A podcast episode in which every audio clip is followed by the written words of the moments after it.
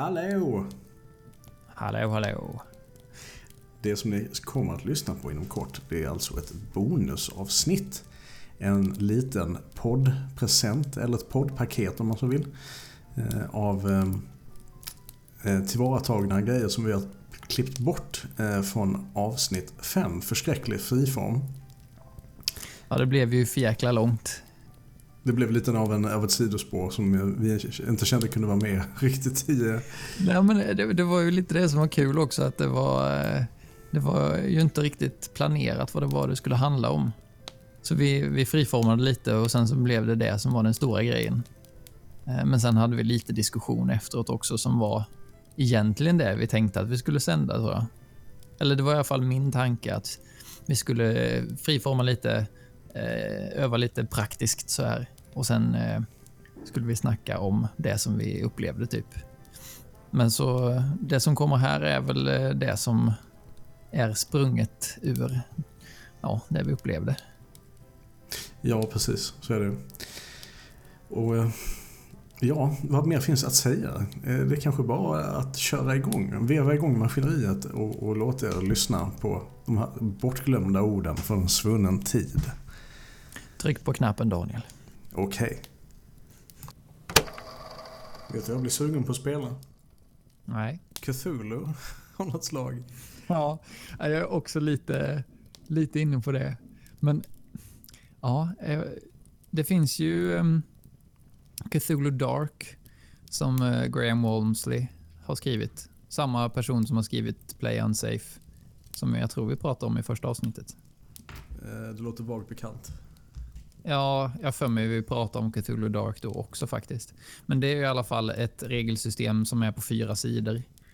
Eh, med liksom effektiv... Nej det, är inte, nej, det är inte ens fyra sidor effektiv text. Det är alltså två A4 kan man säga. Två och ett halvt bara.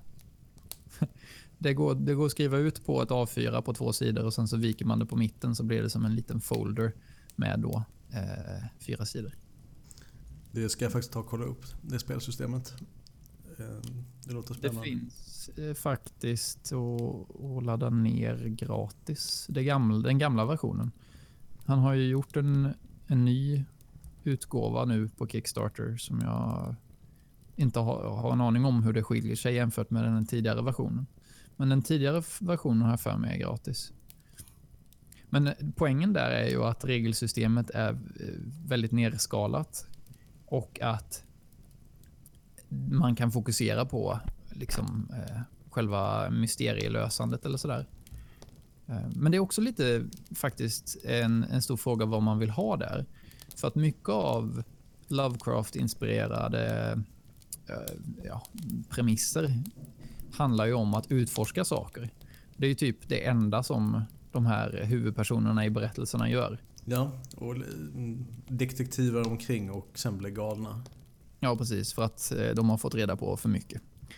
Eh, Men, men det som jag kanske gillar ännu mer med... Alltså, det som jag kanske ogillar med Lovecraft är att rollpersonerna blir galna på typ samma sätt. Alltså det... Ja. Det, det, så, det, det känns som alla rollpersoner är så himla eh, praktiska och rationella i allting de gör ända fram tills dess att de börjar bli galna. För då börjar de hitta på lite fucked up shit. Men eh, i det stora hela så är det ju... Jag vet inte, eh, det känns som en ganska... Alla huvudpersoner är akademiker i någon utsträckning, eller då detektiver, eh, som alla tänker väldigt fyrkantigt. Ja. Jo, jag vet vad du menar. Särskilt alla de här som, de som, har, eh, som har sin sanity kvar tillräckligt länge. Precis så länge så att de ska kunna skriva ett brev till någon avlägsen släkting eller, eller kollega eh, där de eh, beskriver eh, Jag önskar att jag inte kände till det jag kände till men nu är det för sent. Ack, jag dör, jag dör. Och sen läser deras kollega det och så blir de också galna. Och det är precis det som Cthulhu vill egentligen. Kanske. Ja, ja misstänker ju det. Det är, lite, Ja. det är lite lätt att bli galen i Cthulhus värld. Det krävs inte mycket. Eller i Lovecrafts värld. Nej, men, men det tycker jag också är någonting som är svårt att faktiskt känna som spelare när man... Alltså nu, nu ska jag ju eh, lämna in ett förbehåll här att jag har ju inte spelat något Cthulhu-rollspel överhuvudtaget. Så jag vet inte riktigt hur det känns. Men i, i alla andra rollspel som jag har spelat så har jag ju aldrig riktigt kunnat identifiera mig med de här eh, alltså så här, skräckelementen i, i spelen. Så att jag vet inte, jag, jag har svårt att tycka att det någonsin blir läskigt. Skräck är jättesvårt att få till överhuvudtaget. Det, det är väl eh, för, för att eh, liksom så här skamlöst stjäla en talking point ur, ur Podcon när de pratar om det här. Så är det väl att spelarna måste vara villiga att låta sig skrämmas. Och liksom att man, ska komma i den, man måste komma i en, i, liksom en sinnesstämning där man är mottaglig för att skrämma upp sig själv också. Det är rätt svårt. Det är svårare än man tror att skrämma upp sig själv, tror jag. Ja, framförallt tror jag inte att folk är liksom beredda till det, på det. Alltså de, de förväntar sig att spelledaren ska leverera någonting som är skrämmande. Eh, eller som man då tycker är obehagligt.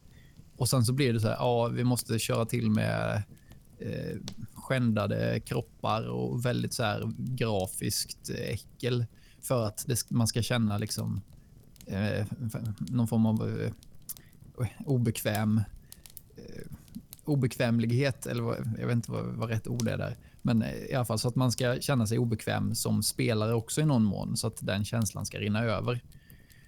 Eh, men så att i och med att folk kanske då inte är medvetna om att de själva måste vara med och bidra till att skrämma upp sig så blir de inte skrämda och ingen annan heller för att det är först när alla har samma mål och alla är lika mottagliga för att skrämma upp sig och varandra som man faktiskt lyckas uppnå det. För att allt annat bara raserar den här illusionen. Jo, så, så, så är det ju. Det är ju en helt konst i sig egentligen att sätta upp, sätta upp scenen för den här typen av skräck. Eh, så jag tror det blir ofta väldigt cheesy om man inte är bra på att beskriva det. Mm, eh, absolut. En anledning till att jag är lite så nojig över, över Lovecraftianska spelsettings det är ju att, att eh, det känns som det, det, det kan bli... Alltså, I mitt huvud så är liksom gränsen mellan cheesy och det Lovecraft gör i, i, hans, i sina texter, den är ganska fin egentligen. Eh, och det funkar för att, för att, man vet att det är han som skriver det och man vet att det är, han, han skriver rätt så, rätt så bra ändå. Även om hans, många av hans berättelser är otroligt ostiga. Eh, så, så funkar det för det mesta. Medan när man, man ska, ska leverera den här typen av, av berättelser som spelledare så är det ju sjukt svårt. Känner jag. Och, och jag skulle inte, vet inte om jag skulle spelleda ett sånt spel själv. Jag tror det skulle vara något annat. Skräckrelaterat i så fall. Mm. Ja, jag skulle säga det förut att det som jag gillar med den här typen av, av spel, alltså säg att vi skulle spela Cthulhu Dark, Eh, det, då är ju liksom inte mysterielösarbiten det som jag tycker är intressant, utan det jag tycker är intressant är den psykologiska aspekten. Hur man blir mer och mer galen, hur man kan göra sådana här fullkomligt vedervärdiga handlingar för att i ens eget huvud så är det berättigat på något sätt. Eh, att det är väl självklart att jag ska eh, döda det här spädbarnet för att det är ju den som sen kommer förstöra världen.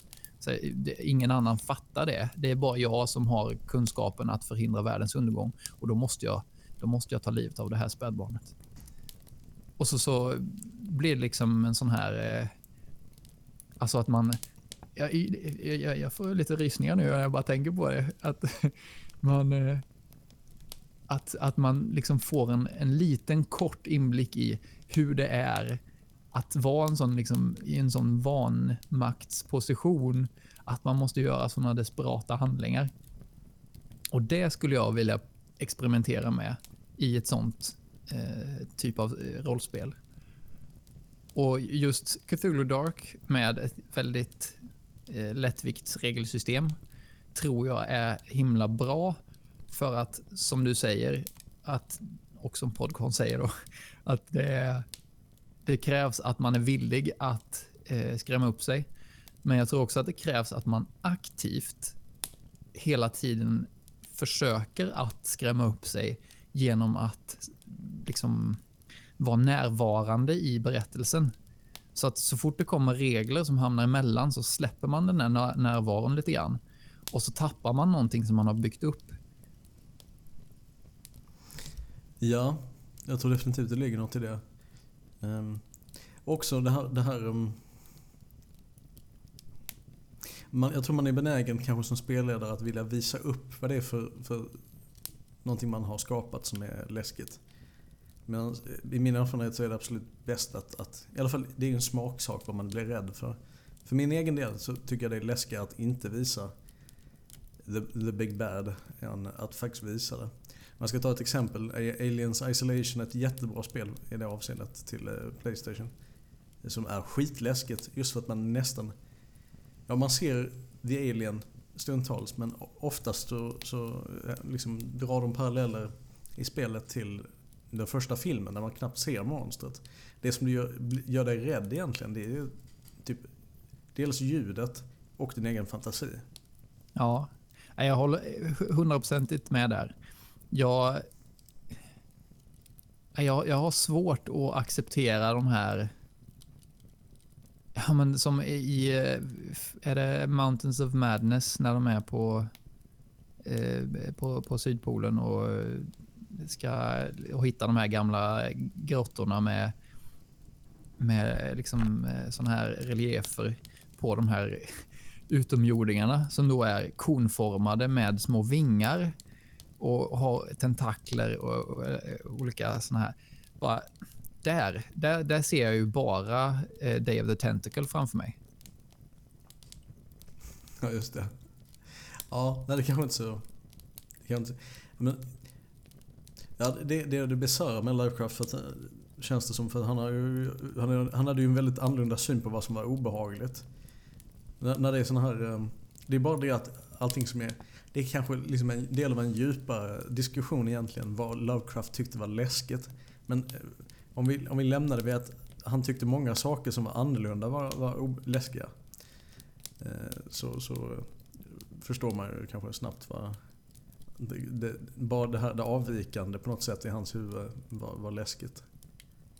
Ja, men det är ju just det att det som vi inte, som vi inte känner till är ju främmande och, och läskigt. Alltså, det är ju precis den principen som det här bygger på, att inte visa upp monstret. Alltså för att så fort du visar upp monstret så känner du till lite mer om det. Men att, att hålla mon monstret på avstånd och, och, så att man inte kan sätta fingret på det. Det gör ju... Ja, där, där föds ju en rädsla för att man inte vet vad, det, vad som kommer hända. Jag tror skräck, skräcken överlag, liksom, både i rollspel och i andra narrativ, så är det, det, det som handlar så mycket om pacing och tempo. Eh, att det, det, är liksom en ganska svårhanterlig genre att, att få bli, bli, göra bra. Eh, man måste liksom ha de här små tillfällen när, när, när huvudkaraktären känner att allting är okej okay, men så, eh, så de hinner liksom eh, internalisera eh, sin egen rädsla och allt det här för att sedan bryta ner dem igen. Eh, det är knivigt. Ja, jag tror eh, det är supersvårt att få det till att bli riktigt snyggt. Men... Ehm, ja, eller det, det, det är svårt att, att lyckas med skräck, tror jag. Och eh, om man väl lyckas med det så är det nog det är inte många gånger under ett spelmöte som man faktiskt kan eh, få kalla kårar av det man spelar. Nej, jag försöker, jag försöker komma ihåg några gånger som man har faktiskt blivit rädd av rollspel. Jag kan nog inte på rak arm komma på något tillfälle faktiskt. Jag vet, jag hade ett spelmöte när vi, när vi spelade alfa-versionen av Fornsaga. Då var där en ett parti där de gav sig ner i någon form av gammal gruva som hade rasat igen. Eh, och där det då fanns... Eh, ja, det var liksom gruvarbetare som hade blivit in, innestängda där, eh, levande begravda. Eh, och när de då gav, gav sig ner där så var ju liksom deras eh, själar kvar där och höll på att spöka. Och då hade jag jag hade experimenterat lite med musik eh, alltså bakgrundsmusik under spelmötena tidigare. Eh, men inte riktigt varit... Alltså det finns ju de som verkligen som verkligen eh, liksom har en liten soundboard typ med musik. Så att direkt när de ska säga någonting som blir läskigt så kan de trycka på en knapp och så blir musiken läskig med en gång. Precis vid rätt tillfälle, precis som på film.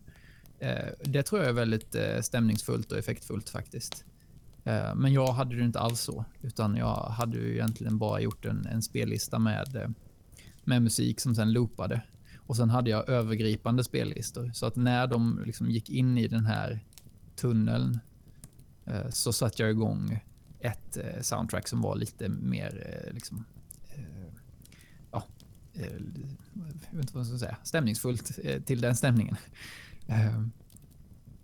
och grejen var de att då hade jag precis hittat ett nytt soundtrack som var ganska mycket så här eh, noise bara. Alltså det, det var liksom eh, så här distortion med lite knäppande och, och, och knackande. Och det var, det var så himla häftigt då när, vi, när de gick ner där, för då satte jag på den och så var det liksom någonting helt nytt som de inte hade hört tidigare.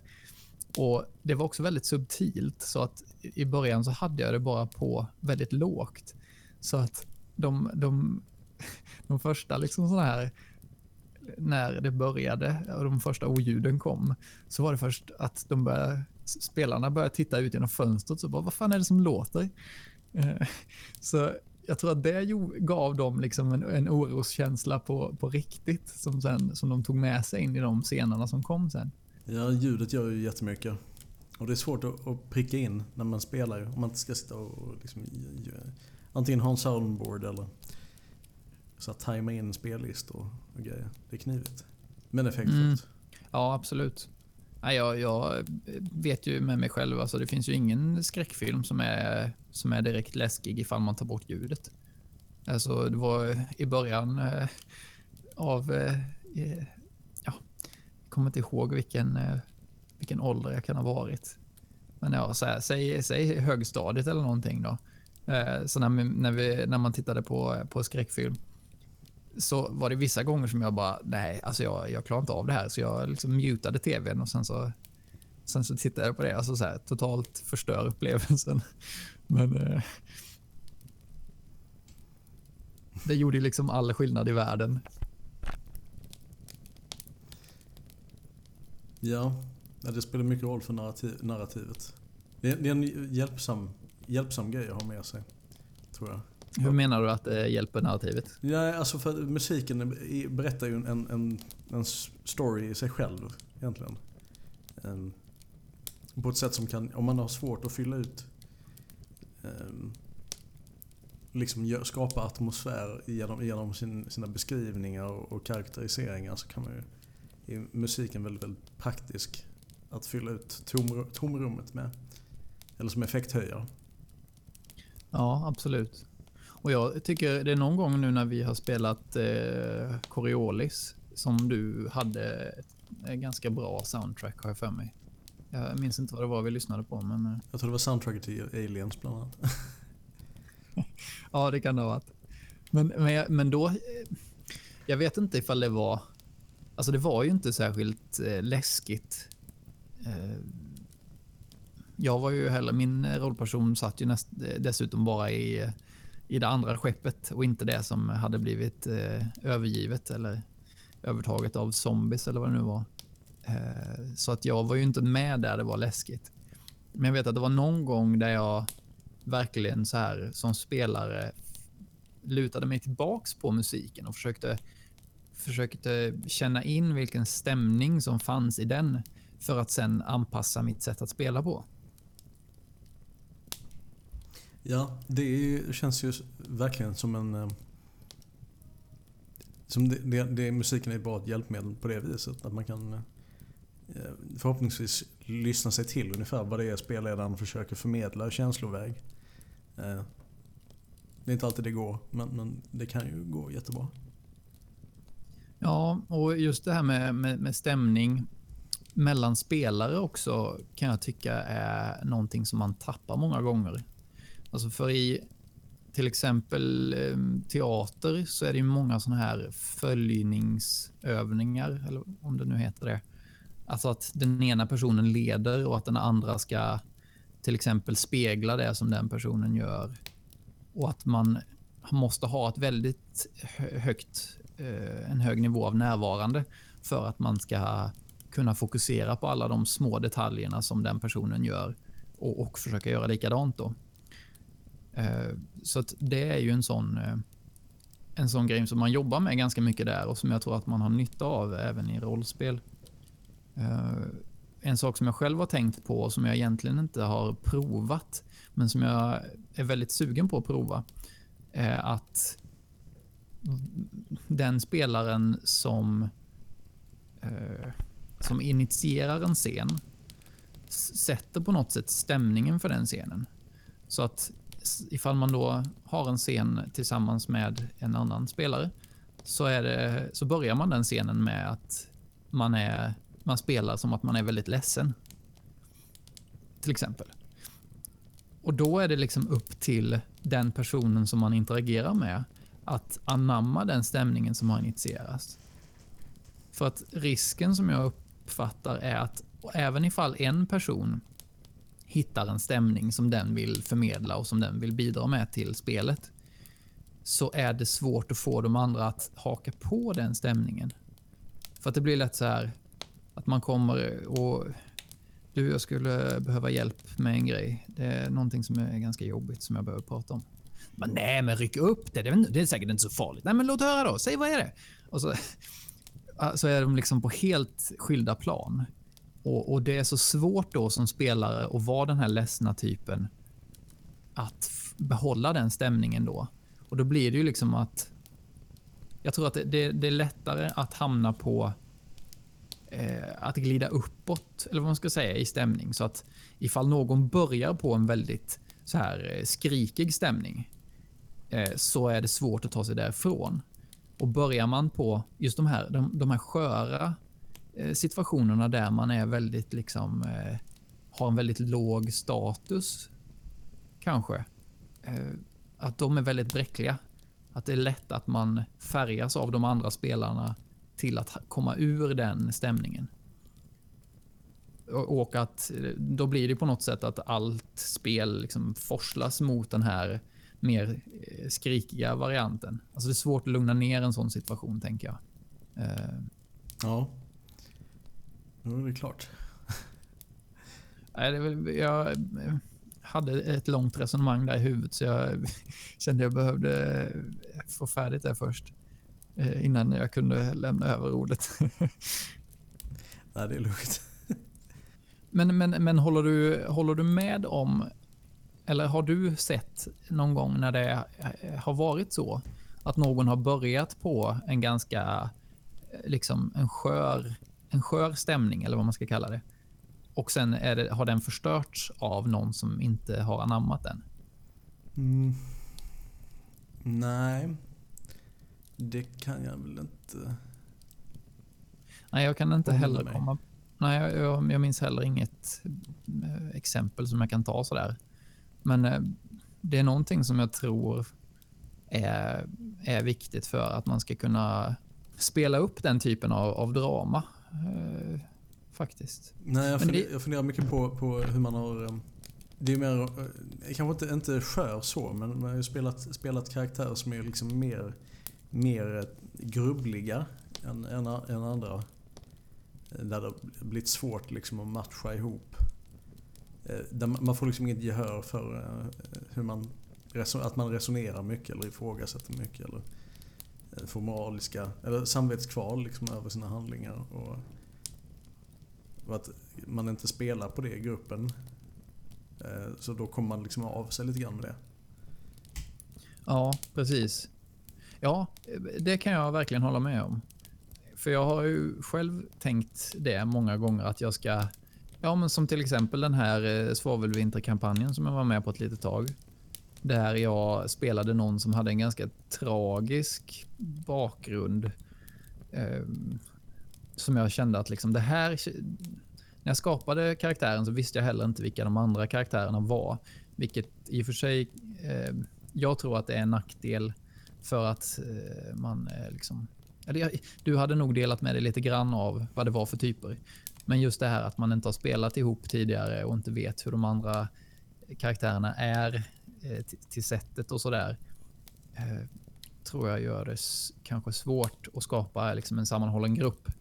Men i alla fall, jag hade ju en väldigt djup, eh, vad ska man säga, eh, kris eller det, det fanns mycket liksom eh, psykologiskt bagage att jobba med och det var jag väldigt sugen på att göra. Men sen i spel sen så var det ju väldigt svårt att ta upp det och göra det till en del av berättelsen. För att de andra spelarna hade ju inte spelat så tidigare. Alltså jag kom ju in i en befintlig spelgrupp också, så det kan ju ha med saken att göra att jag eh, att jag inte visste liksom hur jag skulle eh, ja, vilken typ av spel vi spelade. Men, men, men fortfarande, jag, jag tyckte att det var svårt Eh, och, och, och, få det till att bli en naturlig del, utan det kändes som att det var någonting som jag fick fnula på under mina eh, ja, men så här, sena kvällstimmar. Nej, men så det var ju ett sånt tillfälle där jag kände att min stämning var svår att bibehålla i de andra karaktärernas sällskap för att de inte var på den på den skörare nivån, utan de var ju liksom högre upp. Så att eh, ja, då hade det nog behövts att man Ja, för det första att man var mer öppen. Jag, visst, jag vet inte ifall de andra spelarna egentligen visste om det jag hade skrivit som en bakgrund eller inte. Jag tror kanske inte att vi pratade om det. Eh, det, det kan också vara eh, en anledning till att de inte hade så stor möjlighet att interagera med det som jag hade. Nej, för du hade ju skrivit en ganska, ganska omfattande backstory. Eh, jag tror faktiskt inte att, att Eh, och det ligger ju på mig egentligen som spelledare, eh, att, att vi, vi delade inte ut det materialet till, till samtliga. Liksom. Det tar ju, i och med att de hade spelat tillsammans innan, men inte du, så, så det blir liksom en sån här liten eh, period man måste värma upp till, till varandra och, och få någon form av jargong. Tror jag. Om man kommer in som ny i en grupp. Ja, verkligen. Nej, det, jag gjorde det väl kanske inte så lätt för mig heller. Men, men Eh, just, med, just med det. Men eh, jag, jag tror att det är ett sånt tillfälle då jag verkligen har sett poängen med att, att prata om, eh, eller att, att inte ha hemligheter för varandra. För det är många rollspel som jag tycker har ja, men så här, alla har någon hemlighet. Det kan vara en del av spelsystemet att ja, alla ska ha någon mörk hemlighet som man ruvar på eller någon svaghet eller så här.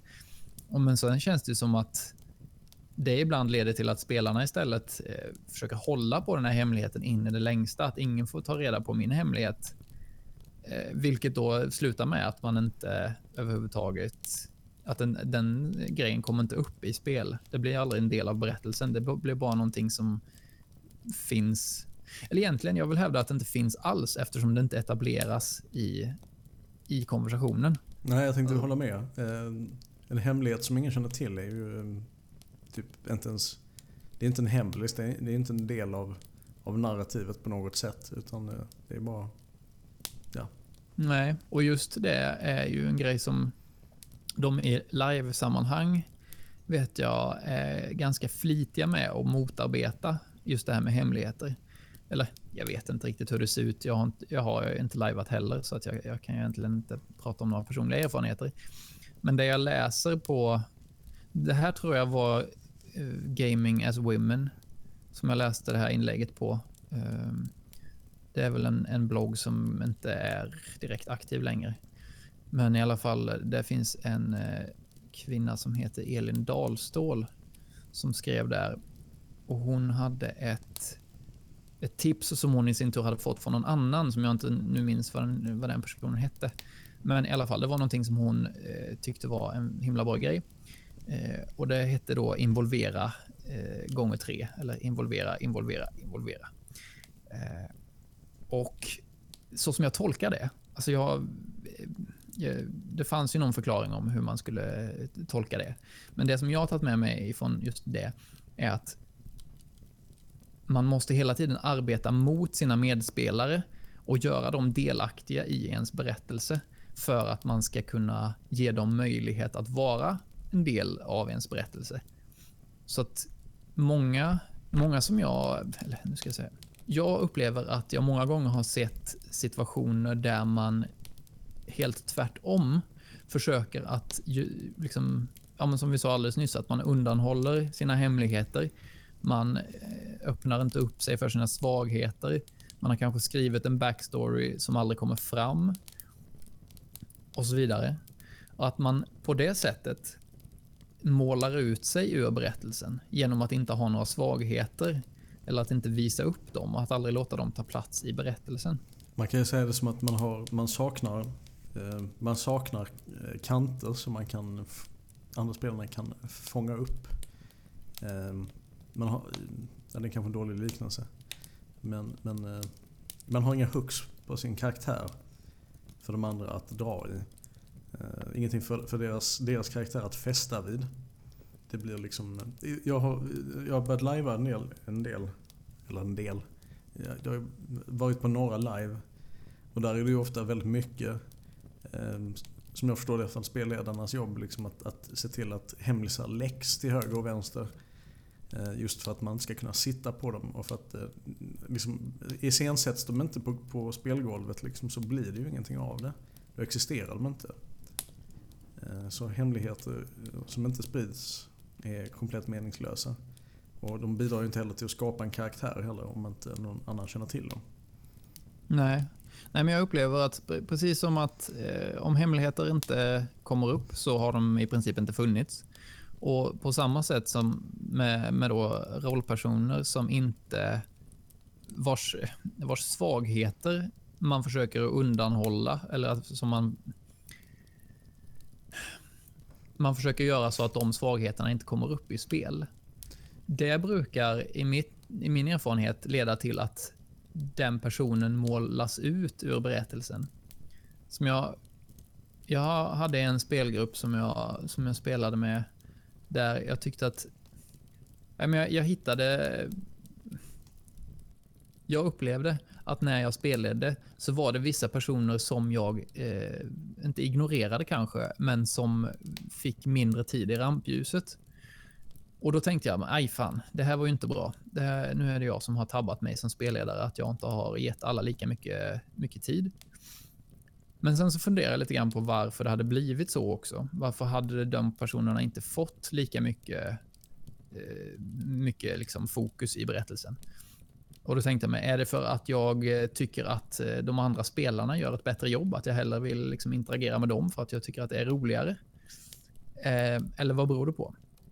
Och det jag tror att det berodde på, så här efter att ha resonerat lite, eh, det är att det fanns för lite för mig som spelledare att gå på kring de rollpersonerna. De som då inte, som jag inte mm, Eh, premierade på samma sätt. Alltså de höll tillbaks så pass mycket av sina svagheter och sina eh, liksom personligheter att jag inte riktigt hade så, ja men precis som du sa, att det inte fanns några krokar för mig att jobba med som spelledare heller. Och eh, jag tycker att, ja, för mig har det varit väldigt så att jag har kunnat sett på det i efterhand och tänkt att ja, det är faktiskt möjligt att man som spelare, spelare själv gör sig en otjänst genom att man då får mindre spel, inte speltid, men tid i rampljuset ifall man försöker göra sin rollperson oså, osårbar. Jo, så är det ju. Särskilt med... Vet du, nej, jag har varit med om folk som försöker relativisera bort sina svagheter väldigt mycket i, i spel. Eh, liksom att man blir påkommen med att inte vara bäst på en grej och så försöker man förklara bort det. Liksom. Fast man egentligen gör det spelet mindre intressant då, tycker jag. Absolut. Um, nej, det, det, blir lite... Det är, lite, det är en liten utmaning att, att, att försöka få till um, så att man inte skapar en karaktär som är, uh, inte har några svagheter. För det blir liksom inte intressant att spela mot. Jag tycker det är, jag tycker det är tråkigt när man försöker så här, rätta, rätta grejer i efterhand i spel. När man, man försöker, jag vill göra en grej liksom. Och sen så kanske man backar för att eh, folk typ ifrågasätter det. Eller spelledaren vill att man ska göra någonting. Och sen så, eller att man försöker spela så himla perfekt hela tiden. Liksom. Men eh, det behöver man ju inte. Nej, verkligen inte. Jag tänker på, på det många gånger att när man, eh, när man spelar och sen så sitter man och typ skämtar lite under hela tiden. Alltså att man eh, säger saker som att åh, nu hade det väl varit himla kul ifall det här hände. Eller så här, ja, han, han gömmer säkert, eller jag, jag vet inte. Ah, jag har inget riktigt bra exempel. Men man, man sitter och skojar om det som händer under tiden som man spelar. Och det skedde ju framförallt i de här första spelgrupperna som jag hade när jag bodde hemma.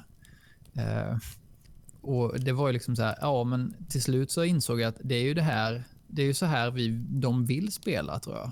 Alltså, eller som vi vill spela, i och med att vi gör det. Vi håller på och skämtar hela tiden så här. Ja, men då vill vi nog inte spela ett seriöst äventyr ändå, för alla tyckte att att, all, att varje gång som man liksom skulle göra någonting så var det väldigt viktigt att man gjorde rätt. Att man eh, verkligen så här, ja, nu har vi ett samtal med en, eh, en eh, ny person här som verkar vara av hög status. Då är det viktigt att vi pratar ordentligt med den personen så att eh, vi också verkar vara respektabla medborgare som man kan prata med ordentligt eh, och inte så här hålla på och skämta och typ prata som man gör i vanliga fall. Nej, det blir gärna stolpigt och konstigt. Och, nej, men eh, kan vi summera? Man måste våga eh, vara sårbar. Och, och ja, men ifall, ifall det är det man vill ha. Mm, precis, nej, men alltså att, att, i, sin, i sin karaktär. Att, eh, Sen har man problem att få igenom det med spelgruppen så att säga så kanske man får prata med spelledaren om det. Men eh, det ska ju finnas just, utrymme för det. Mm, just, just i det fallet som jag eh, syftade på här nu tidigare så var det ju så att alla spelade på precis samma sätt och alla tyckte att samma saker var kul. Eh, alltså rent så här vad vi, vad vi sa när vi spelade. Alla skrattade åt skämten och eh, det var liksom. Det var ju nästan så att det var viktigare än själva spelet i sig. Och alla tyckte att det var lite jobbigt när man behövde, när man skulle uttrycka sig korrekt när man pratade med folk och sådär. Eh, så till slut, det mynnade ju ut i då att istället då för att eh, Ja, nu vet jag inte riktigt det, varför det blev så, men det var en av oss som som hade så här vanföreställningar på något vis, och som var psykiskt labil på något sätt. Och då var det liksom så här, ja, eh, vad är det som är fel på dig då? Ja, jag, jag ser en, en rosa dvärg som följer efter mig hela tiden. Det var den grejen och det, så skrattade alla åt det. Och sen då så då blev det till slut så att det var så. Alltså så att vi istället för att man har berättelsen som är liksom den här propra sagan om ringen eh, grejen där man inte skämtar eh, så här, du är för dålig för att kasta sten. inte, inte, det original, originalet istället för du är för dålig på att kasta sten. Ja. Och sen så skämtar man om det precis så som du är för dålig på att kasta sten. Eh, så det gör man liksom vid sidan av, parallellt som man spelar. Så att man spelar liksom ett spel som man sen skämtar om. Alltså det blir typ som att göra två spel samtidigt. Och Då är det mycket bättre till att bara, ja, men skit i det här propra då, då kör vi Sagan om de bannlysta istället. Jag hade lätt att spela ett fjams-fantasy-äventyr. Ja, men det är ju det jag menar. Att ifall alla är med på det, och så här, varför ska man då hålla på och forsa in att man ska spela något propert eh, seriöst fantasy-spel när det inte är någon som vill det egentligen? Nej, varför det egentligen? Eh, jag vet inte riktigt varför jag eh, gled in på det här spåret, men eh, det är hur som helst eh, intressant. Ja, det var kul att ni har tagit igenom det här bonusavsnittet av, av rollspelsfika. Det var det första av sitt slag, tror jag. Ja, säkert inte det sista. Säkerligen inte det sista. Eh, vi hoppas att ni har haft en, ett fantastiskt rollspelsår och vi hoppas att ni har haft lika kul att följa med oss och lyssna på oss som vi har haft att spela in det för er. Med det så får vi väl avrunda med ett, ett stort god jul och gott nytt år. Ska vi ta det på tre Peter? Tillsammans? Oj, oj, oj. Ja, visst. Ett, två, tre. God, God jul. jul. Nej, vet du vad? Det kommer inte gå för att det är fördröjning. Okej. Okay. okay. God jul och gott nytt år allihop. God Eh, jul. tack för att ni har lyssnat. Tack för att ni har lyssnat och eh, vi jobbar vidare på det ordinarie avsnittet som bör komma i eh, eh, strax efter nyår. Man vet aldrig. Vad är, vad, vad är det det ska handla om? Kan vi ge en spoiler nu när vi faktiskt redan har spelat in det? Jag var ju där och borde veta vad det handlar om.